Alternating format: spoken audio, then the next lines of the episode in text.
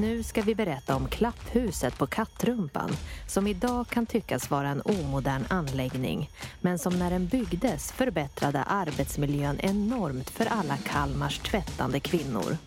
Inläsare är Johanna Dahlbäck. Kan du också tycka att det är lite jobbigt de dagar du har tvättstugan? Att behöva släpa tvätten upp och ner, sortera, hänga upp den eller köra i torktumlaren. Du är inte ensam. Men skulle kvinnorna som ansvarade för att få tvätten ren för hundra år sedan få se hur vi tvättade idag skulle de tycka att det var ett lyxarbete. Ja, det var faktiskt så att när klapphuset här i Kalmar, som för övrigt är det enda bevarade klapphuset i Skandinavien, när det byggdes i sekelskiftet 1800-1900 så var det för att göra arbetsmiljön bättre för de som tidigare legat på knä och sköljt tvätten vid någon av Kalmars alla klappbryggor längs med vattnet. Bara det att få sköta sin tvätt inomhus när det blåste snöstorm under kalla vintern, vilken lycka! Följ med oss på en resa hundra år tillbaka i tiden och möt tonårsflickan Johanna som ska hjälpa sin mamma med tvätten just idag. En kall vind får tag i några av de hårstrån som inte är riktigt instoppade under skaletten. De sliter sig loss och kittlar kinden, fladdrar in mot läpparna. Johanna försöker irriterat blåsa bort dem Båda händerna är upptagna av att hålla ett fast grepp om tvättkorgen. De irriterande stråna kommer inte att kunna stoppas in förrän de är framme vid klapphuset.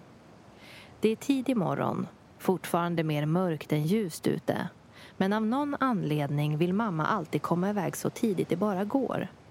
Idag ska de tvätta lakan och då är det extra viktigt att vara tidigt i klapphuset på eftermiddagen kanske någon som tvättat grovtvätt, gamla mattor, varit där och då är vattnet helt smutsigt.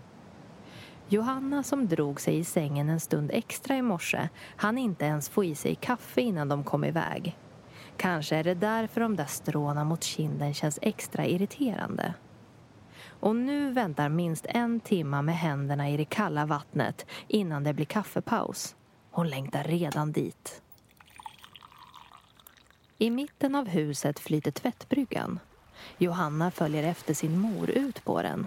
Hon placerar sig strategiskt bredvid en tvättunna. I den turas de sen om att stå för att få rätt arbetsställning när de ska skölja tvätten i havsvattnet. Tänk va, Johanna? Du minns knappt hur det var innan tvätthuset byggdes. Men det gör jag. Då slet man där på bryggan med tvätten. I blåst och regn, i kyla och snöoväder. Kvinnan i tvättunnan bredvid tittar upp och nickar mot dem. Mest mot Johanna. Ja, herregud. Tänk ni unga kvinnor som kommer kunna tvätta inomhus hela ert liv. Ni förstår inte vilken tur ni har. Johanna himlar med ögonen samtidigt som hon tar fram klappträt och börjar slå mot det blöta lakanet. Hon har hört mamma berätta om tvättdagar i kyla och blåst, sett mormors röda, nariga händer.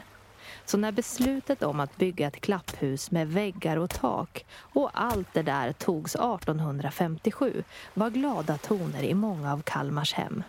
Och nu, fyra klapphus byggda runt om i stan.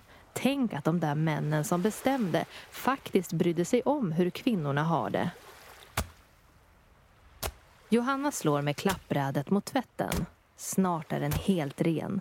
Efter allt jobb de lagt ner. Först hemma, då de la all tvätt i blöt tillsammans med såpa. Sen gnuggades de blöta tygstyckena mot tvättbrädan. Efter det kokades det med lut och nu är de på sista momentet, att skölja tvätten ren från smuts och lut. Och det är för att kunna göra det ordentligt som de har gått till klapphuset. Här får de både tillräckligt med utrymme och vatten för att kunna skölja och klappa ur. Sen ska den hängas på tork. Efter det återstår bara det bästa. Den fantastiska känslan av att ha huset fullt av rentvätt. Och vetskapen om att nu är det långt kvar tills nästa gång.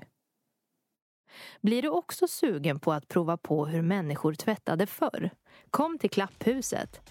Det är än idag öppet under sommarsäsongen, både för nyfikna besökare och för den som vill tvätta.